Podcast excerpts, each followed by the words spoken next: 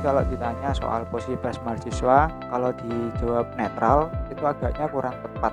Karena dulu sempat diganti juga dengan kawan-kawan persma, dengan senior-senior, posisi yang benar adalah memihak. Memihak rakyat, memihak kebenaran, dan memihak mahasiswa.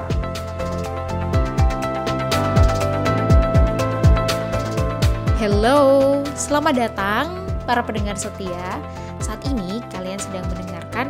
Solasido Podcast LPM Solidaritas.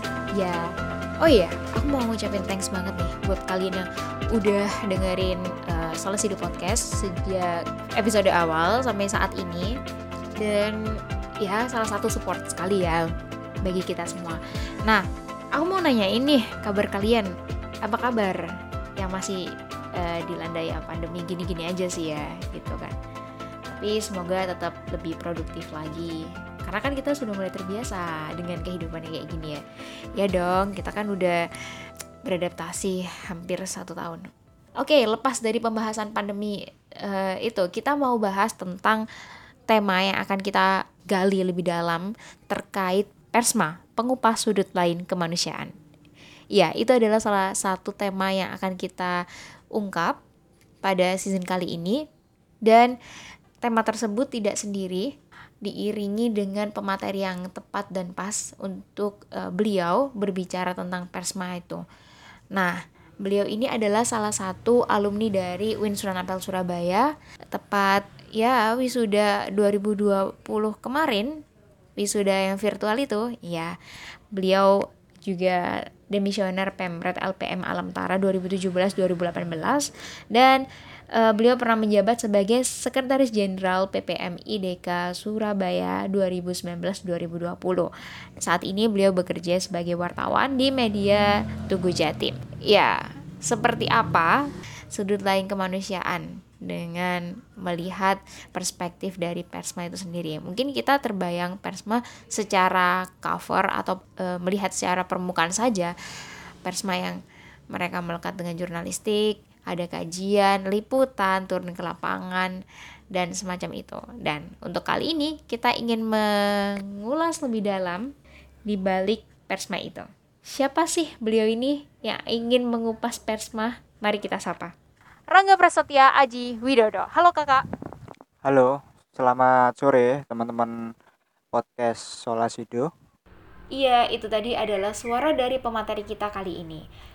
Lalu Kak, adakah hal lain yang melekat dari Kak Rangga terkait Persma selain dari apa yang saya sebutkan tadi?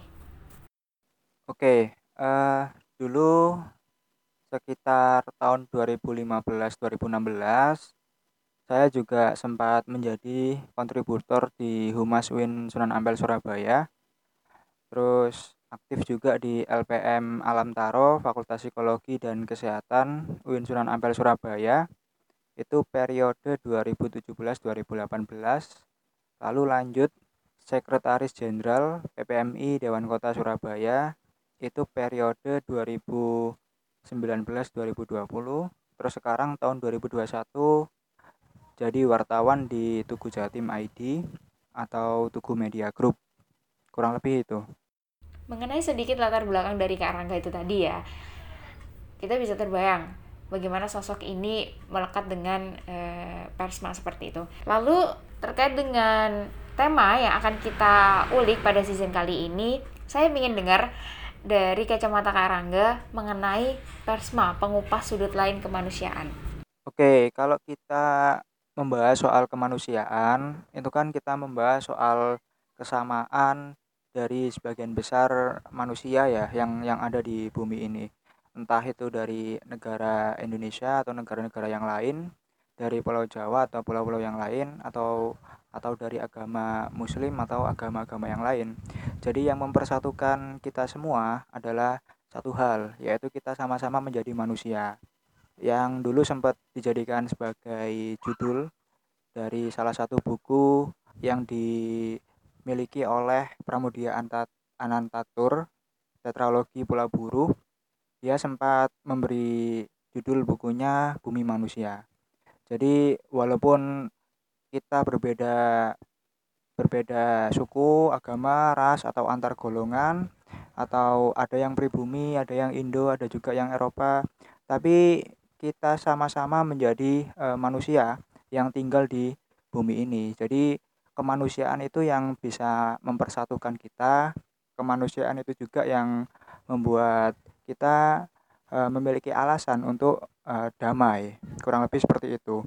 Jadi untuk diksi pengupas itu saya pakai karena ada beberapa bagian-bagian dari kemanusiaan itu yang uh, yang menjadi sesuatu yang yang tidak tidak sama. Jadi misalkan dalam kasus represi yang dialami oleh teman-teman pers mahasiswa itu kan ada perbedaan pendapat atau per perbedaan pemikiran antara kawan-kawan pers mahasiswa dengan birokrasi kampus misalkan atau ada juga perbedaan uh, sudut pandang dari teman-teman pers mahasiswa dengan orang-orang yang ada di dekanat atau fakultas. Jadi itu merupakan salah satu uh, bagian yang saya maksud sudut lain kemanusiaan. Jadi hal-hal atau momen-momen atau kasus-kasus yang uh, membuat uh, sisi kemanusiaan itu, sisi kebersamaan itu menjadi uh, menjadi agak-agak terganggu atau agak ter, terpecah begitu antara satu orang dengan orang yang lain, antara golongan yang satu dengan golongan yang lain, termasuk antara mahasiswa dengan kampus. Kurang lebih seperti itu. Sedikit saya highlight dari argumen Kak Rangga terkait Persma pengupas sudut dan kemanusiaan gitu ya. Kita tidak serta-merta melihat Persma itu dari cover depan, dari jendela depan saja. Melainkan kita bisa melihat sisi-sisi lain, terutama di sisi kemanusiaan itu sendiri. Lalu Kak, kita ingin uh, ngobrolin tentang ideologi dari Persma. Setiap orang, setiap organisasi pasti memiliki ideologi tersebut. Lalu ideologi yang seperti apa untuk pers mahasiswa ini? Oke, kalau kita bicara ideologi, sama-sama memakai ideologi perlawanan. Itu yang yang pertama karena kita membahas soal ideologi. Kalau kita membahas soal idealisme, itu idealisme antara satu orang dengan orang yang lain itu pasti berbeda. Idealisme kelompok yang satu dengan yang lain itu pasti berbeda. Karena kalau kita e, mengupas ulang tentang idealisme, idealisme itu semacam gambaran, imajinasi atau konsep yang dinilai oleh e, seseorang itu sebagai konsep yang sempurna. Sempurna menurut dia jadi bisa bisa bisa dimungkinkan kalau setiap orang atau setiap pihak itu memulai memiliki idealismenya masing-masing. Jadi kalau kalau pers mahasiswa sendiri bila ditanya idealismenya seperti apa, kita bakal membahas soal konsep ideal. Jadi kalau konsep ideal ini sering kali juga dipakai oleh kawan-kawan sebagai bahan dasar untuk membuat berita. Konsep ideal itu seperti apa? Konsep ideal itu misalkan uh, idealnya dosen itu mengajar sesuai dengan uh, titel atau basic akademisi yang dimiliki. Tapi pada kenyataan di lapangan kita temui bahwa ada beberapa dosen yang tidak linier atau tidak sesuai dengan basic akademisi yang yang mereka miliki.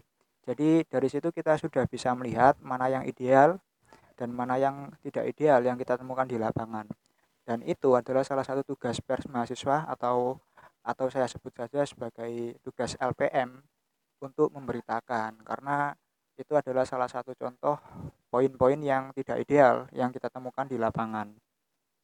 Seperti itu. Oke, menarik tentang idealisme dan ideologi yang dipaparkan oleh Kak Rangga. Lalu dari idealisme yang dimiliki oleh Persma tersebut, yang identiknya dari secara permukaan seorang persma itu mereka disebut sebagai aktivis yang uh, netral. Lalu netral seperti apa ya kak? Bu yang buat uh, mendefinisikan penuh seorang aktivis persma ini. Oke, uh, saya ingin menambahkan pembahasan tadi soal ideologi. Jadi ideologi teman-teman pers mahasiswa itu satu, yaitu perlawanan. Jadi ideologi perlawanan ini hampir dimiliki oleh semua teman-teman pers mahasiswa di Indonesia karena sudah menjadi salah satu lirik dalam lagu kebanggaan dari teman-teman pers mahasiswa yang judulnya adalah Persma Berjuang. Jadi di salah satu bagian lirik itu menyebutkan bahwa ideologi persma adalah perlawanan. Itu tambahan dari uh, pembahasan sebelumnya mengenai ideologi. Kalau membahas soal posisi pers mahasiswa, netral atau bagaimana, kalau kita membahas soal netral, yang dimaksud netral itu seperti apa? Terus kira-kira apakah benar pers mahasiswa itu atau LPM itu harus netral? Kalau menurut saya pribadi, eh, alangkah baiknya bila diberi pertanyaan seperti itu, posisi pers mahasiswa di mana atau posisi LPM di mana? Posisinya adalah e, memihak. Lalu muncul pertanyaan lanjutan, kira-kira memihak kepada siapa? Nah, memihak kepada rakyat, memihak kepada masyarakat, memihak kepada mahasiswa yang yang yang ada di kampus atau memihak kepada kebenaran. Kalau kalau kita jawab memihak kepada kebenaran bakal muncul pertanyaan lagi kebenaran yang seperti apa yang di, dimiliki oleh LPM itu? Atau kebenaran seperti apa yang dimaksud oleh LPM itu? Itu bakal bakal bakal bisa menjadi forum diskusi lagi. Jadi kalau ditanya soal posisi pers mahasiswa kalau dijawab netral itu agaknya kurang tepat kalau menurut saya pribadi. Karena dulu sempat dikaji juga dengan kawan-kawan persma dengan senior-senior posisi yang benar adalah memihak. Memihak rakyat memihak kebenaran dan memihak mahasiswa. Seperti itu. Berpihak. Pada suatu tindakan yang tepat tentunya ya kan? Ya itulah definisi netral dari perspektif Karangga. Di mana netral ini tidak dengan arti satu diksi begitu. Perlu dipaparkan dengan makna lain untuk mencapai suatu titik aksi yang pas dilakukan oleh Persma lalu saya tertarik sekali dari latar belakang Kak Rangga yang sempat menjadi kontributor Humas UIN Sunampel Surabaya. Hai Kak, aku mau nanya ini ya. Um, secara pribadi apakah antara dua posisi tersebut bisa menjadi intervensi, memunculkan dilema menjadi seorang aktivis di dunia pers? Oke, ini salah satu pertanyaan yang menarik karena karena kita akan membahas soal bagaimana pers mahasiswa itu berjalan. Jadi dulu juga sempat saya memiliki pengalaman menjadi kontributor Humas UIN Sunan Ampel Surabaya sejak tahun 2015. Kebetulan pada tahun yang sama itu saya juga bergabung dengan LPM. Jadi saya dulu sempat merasakan uh, dan sempat memahami, sempat sempat diberi kesempatan untuk memahami dari kedua belah sisi, dari sisi pers mahasiswa atau LPM dan dari sisi humas kampus.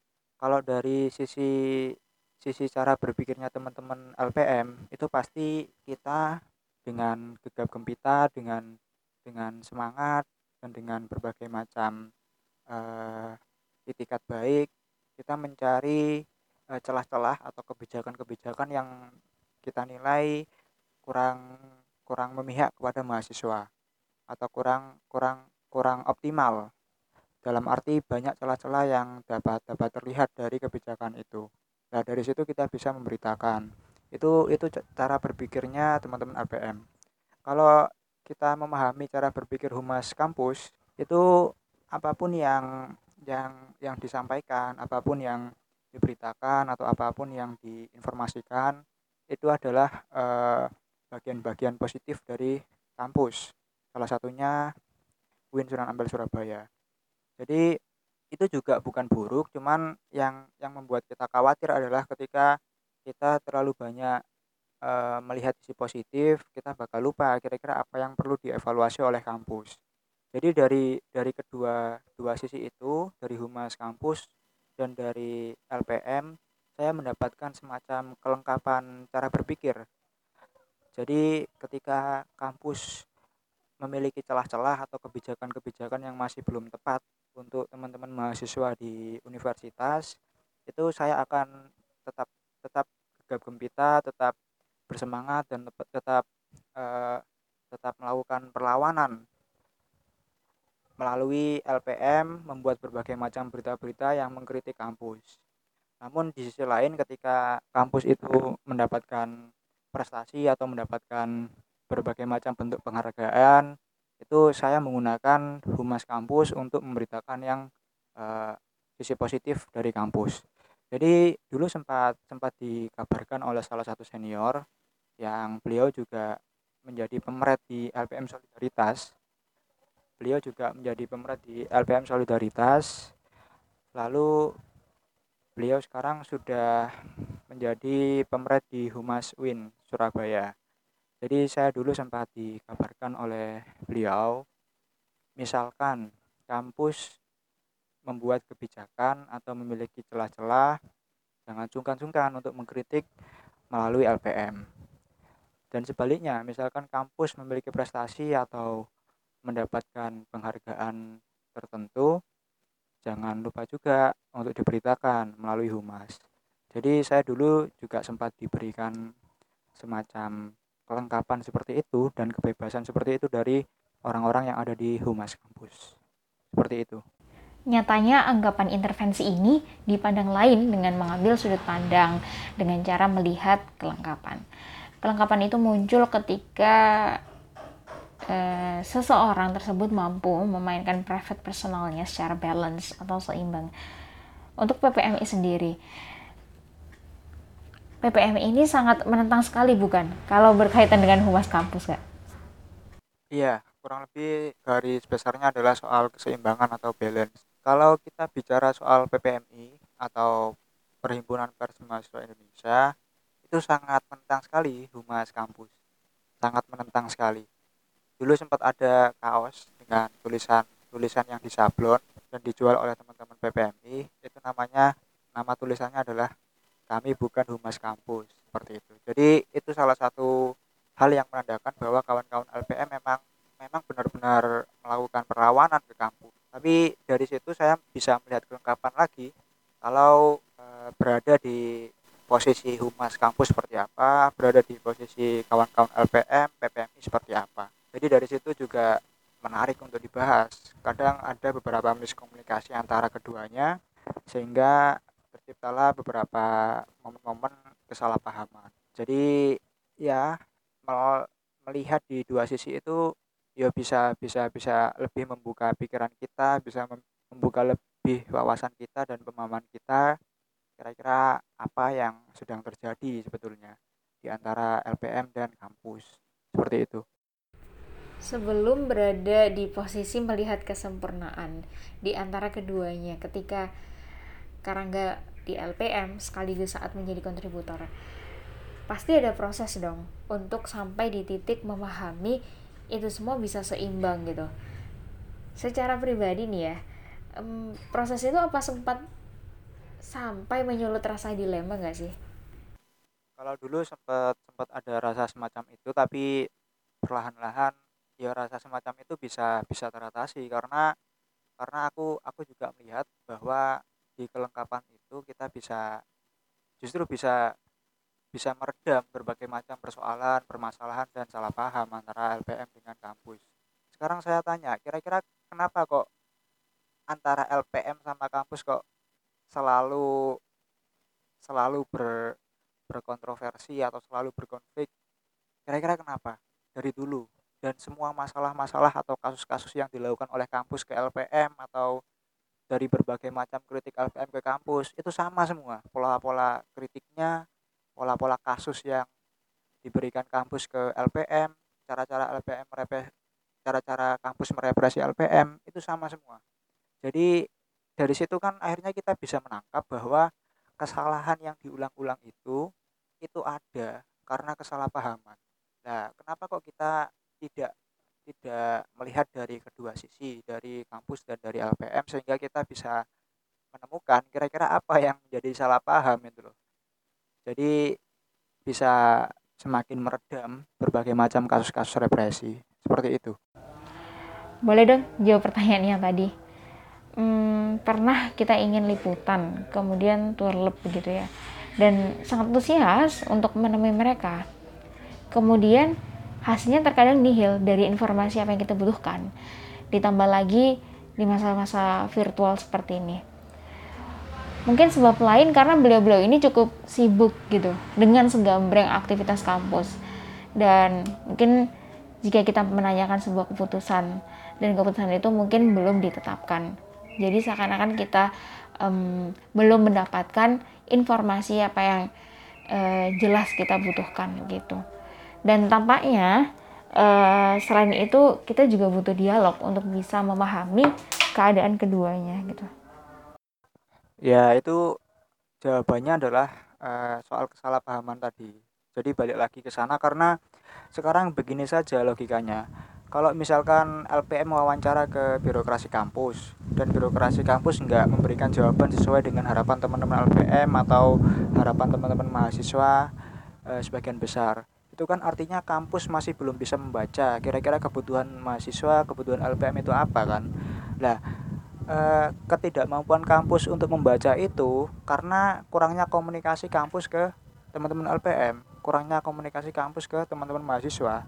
Sehingga muncul sebuah sebuah sebuah kondisi di mana kampus tidak bisa membaca apa yang diharapkan oleh mahasiswa dan LPM. Dari situ akhirnya menghasilkan apa yang diceritakan kamu tadi ketika teman-teman LPM wawancara ternyata jawaban e, dari narasumber yang mereka merupakan bagian dari birokrasi kampus itu enggak enggak memuaskan atau enggak sesuai dengan apa yang kita harapkan jawaban mereka. Jadi yaitu soal komunikasi yang perlu diperbaiki antara keduanya agar berbagai macam represi, berbagai macam kesalahpahaman itu bisa diredam. Tapi sampai saat ini apakah keduanya mau mau mengobrol dengan baik? Kalau kalau teman-teman LPM sih saya rasa mau ya.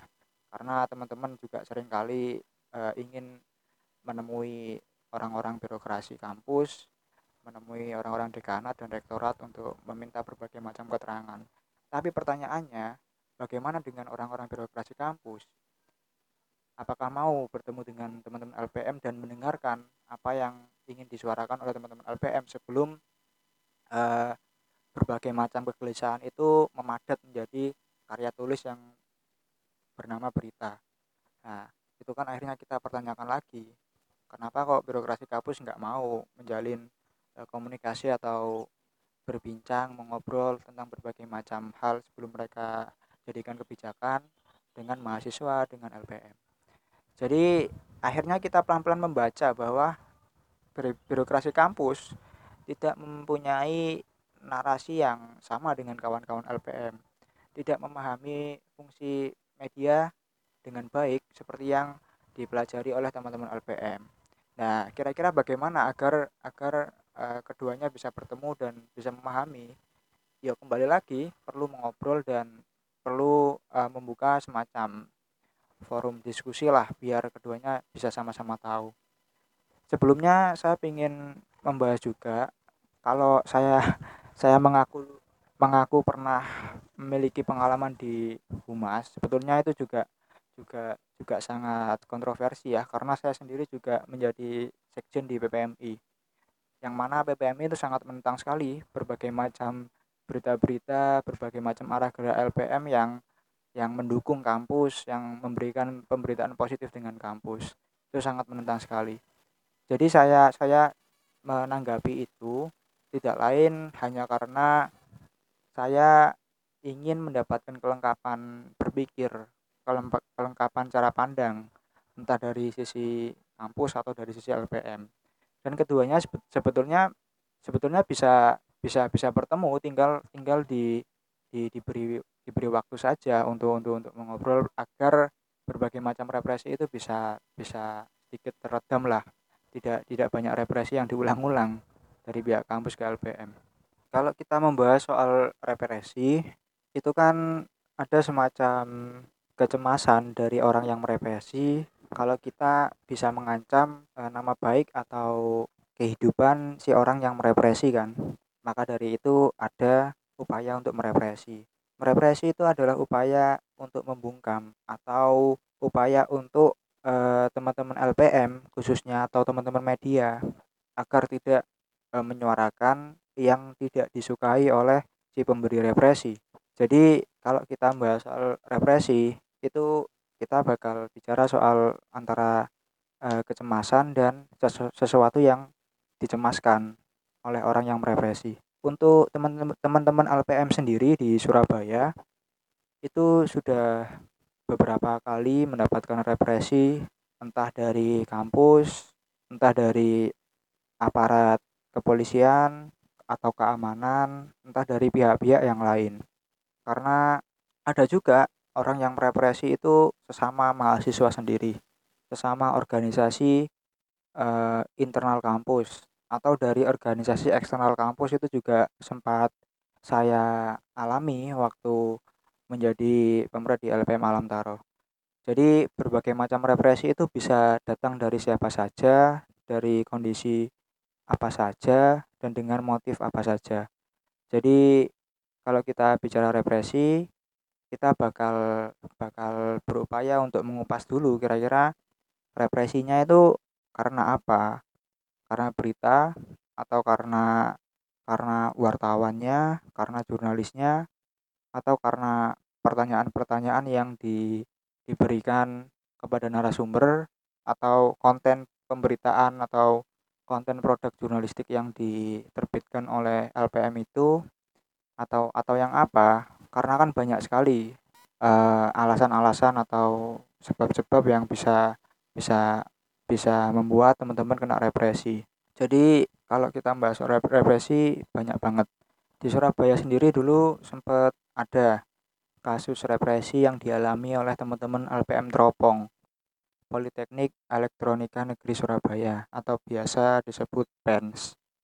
Jadi teman-teman PENS dulu waktu sedang musim pembahasan tentang isu-isu Papua, dulu teman-teman PENS sempat mengadakan diskusi yang temanya kurang lebih uh, Papua dan dan perspektif media yang secara garis besar pembahasannya soal itulah tentang Papua dan perspektif media mainstream sekarang itu seperti apa. Jadi mereka membuat forum diskusi di kampus. Cuman sebelum forum diskusi itu mulai sudah banyak simbol-simbol represi. Misalkan ada beberapa intel yang mulai datang ke kampus. Ada juga beberapa satpam yang mulai menanyakan uh, kegiatan mereka. Ada juga dari pihak-pihak direktur yang yang mendapatkan telepon dari kepolisian mungkin ya. Lalu pihak direktur menugaskan teman-teman mahasiswa dari BEM untuk mengabarkan ke teman-teman LPM Teropong dan sebagainya. Jadi dulu juga sempat semacam itu.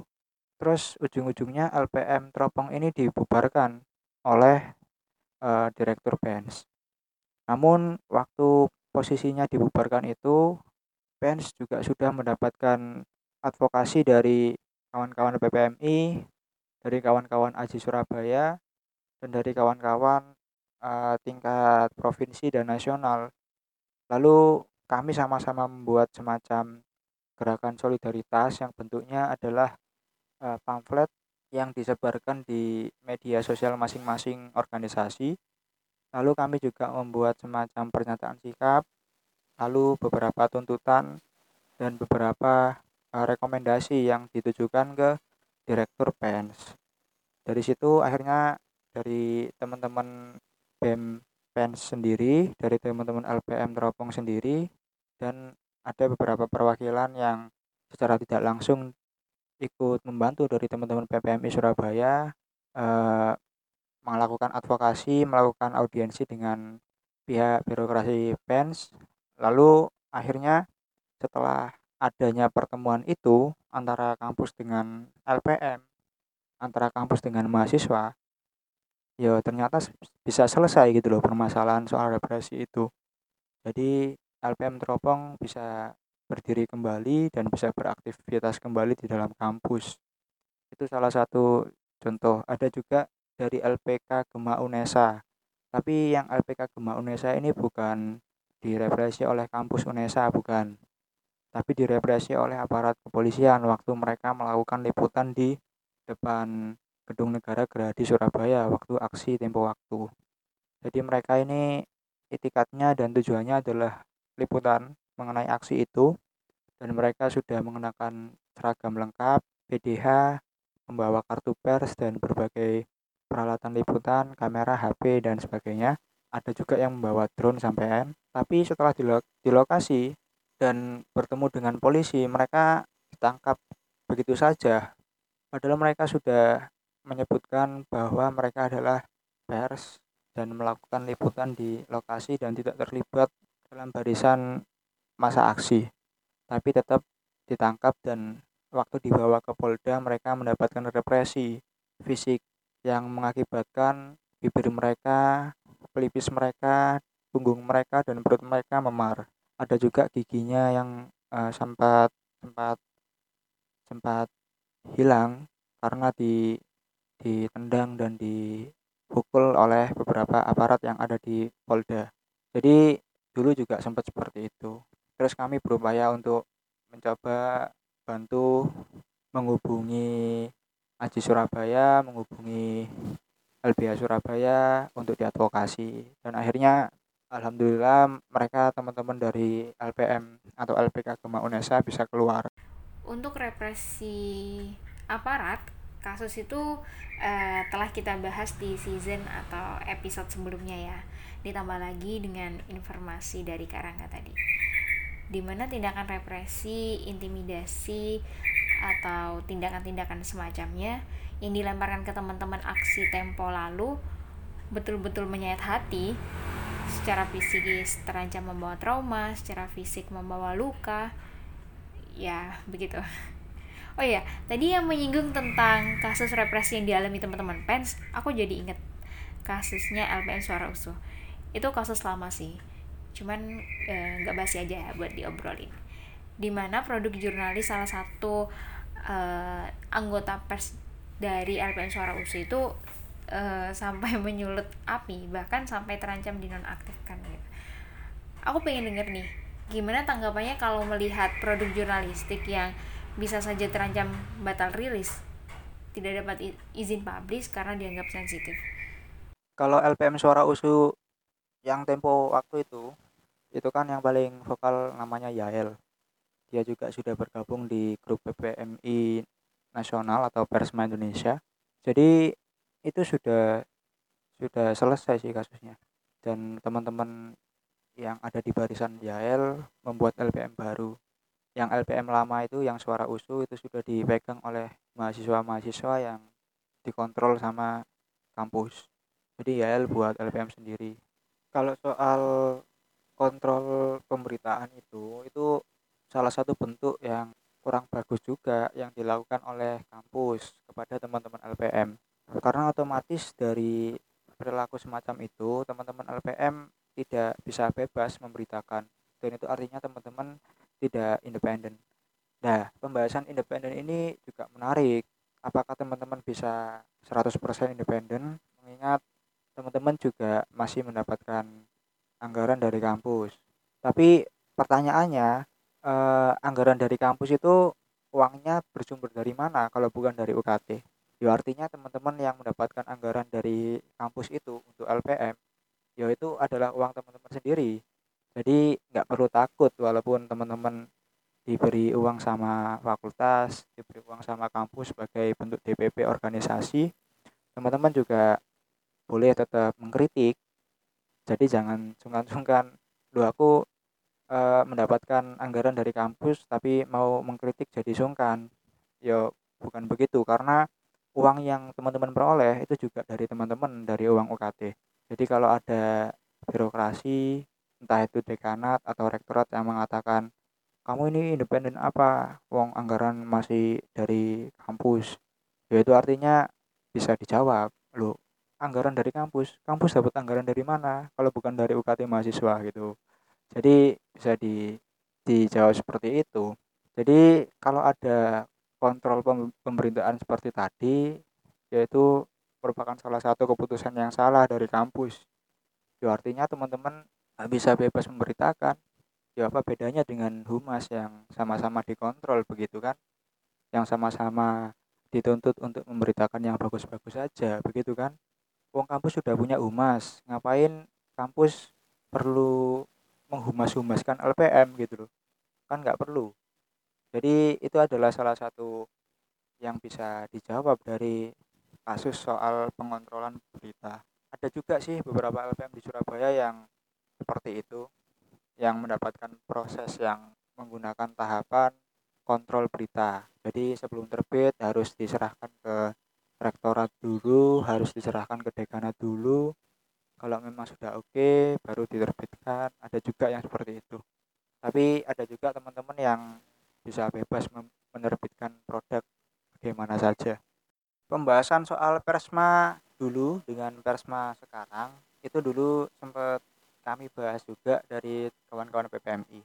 Jadi memang ber, ber, berbeda karena karena uh, fasilitas, karena kemajuan zaman dan dan berbagai macam hal, alat-alat yang bisa dipakai untuk melakukan kerja-kerja jurnalistik itu juga berbeda. Dari situ akhirnya uh, otomatis semangat semangat juang dengan dengan berbagai macam motivasi yang dimiliki oleh kawan-kawan mahasiswa dulu dengan mahasiswa sekarang ya bisa bisa berpulang menjadi berbeda. Kalau dulu kan eh, teman-teman menganggap bahwa orang-orang yang ikut menurunkan rezim Orde Baru itu adalah mereka yang amat kritis banget gitu kan ya. Dan itu sampai di disebut sebagai masterpiece dari gerakan mahasiswa. Tapi di sisi lain eh, kalau kita membahas soal mahasiswa zaman sekarang itu sebetulnya ya mempunyai prestasi juga walaupun tidak dalam hal yang sama misalkan dari dari berbagai macam prestasi-prestasi yang yang lain yang yang yang teman-teman bisa mengikuti itu di masing-masing kampus jadi soal perlawanan sendiri itu kan dulu juga sempat ada semacam aksi reformasi di korupsi itu juga aksinya sangat besar sekali. Terus tahun kemudian juga ada ada aksi lagi. Jadi kalau kalau kita bandingkan dengan 98 ya memang ber, berbeda. Yang menjadi presiden berbeda. Otomatis eh, berbagai macam situasi di Indonesia juga berbeda termasuk mahasiswa itu sendiri. Jadi ya memang tidak bisa diperbandingkan antara mahasiswa dulu dengan sekarang karena kita memiliki tantangan masing-masing Yoi, tanpa terasa kita sudah berada di ending duration untuk episode kali ini. Hai kak, berikan seutas benang merah untuk obrolan dari tema yang kita ulas pada hari ini. Ringkas saja. Oke, tadi kan kita sempat membahas ya di awal di awal obrolan ini kalau topiknya adalah persma pengupas sudut lain kemanusiaan. Nah, yang yang yang dimaksud pengupas ini adalah itu tadi um, berupaya untuk melihat dari kedua kedua mata, kedua sisi antara antara LPM itu seperti apa, antara kampus itu seperti apa. Jadi dari dari melihat kelengkapan itu kita bisa mengetahui sudut-sudut lain dari kemanusiaan. Apa saja yang sebetulnya salah paham, apa saja sebetulnya yang perlu diperbaiki. Kira-kira uh, posisi posisi seperti apa yang yang yang bisa dipakai oleh teman-teman LPM untuk mengkritik kampus dan kira-kira posisi seperti apa yang bisa dipakai oleh orang-orang kampus untuk menerima berbagai macam kritik dari LPM karena kritik mengkritik itu bukan soal kita memberitakan keburukan-keburukan kampus yang kemudian bisa berdampak ke akreditasi bukan. Tapi itikat teman-teman LPM untuk mengkritik kampus itu adalah itikat evaluasi. Jadi teman-teman LPM teman-teman mahasiswa memiliki harapan agar kampus melakukan evaluasi dan melakukan perbaikan agar berbagai macam celah-celah, berbagai macam kebijakan yang dinilai kurang ideal itu bisa bisa segera diperbaiki, bisa segera segera di, di dilengkapi dan bisa segera di direvisi sehingga kampus juga menjadi semakin baik, semakin maju dan semua mahasiswa juga merasa aman, nyaman dan tentram dan tidak menemukan berbagai macam eh, kebijakan-kebijakan buruk lagi yang diulang. Jadi kurang lebih itu. Jadi sudut lain kemanusiaan adalah uh, kita berupaya melihat hal-hal kelengkapan semacam itu. Yoi, thanks banget udah dengerin podcast kita kali ini. Nantikan episode berikutnya dan semoga dapet insight-nya ya. Saya Agustin, bye-bye.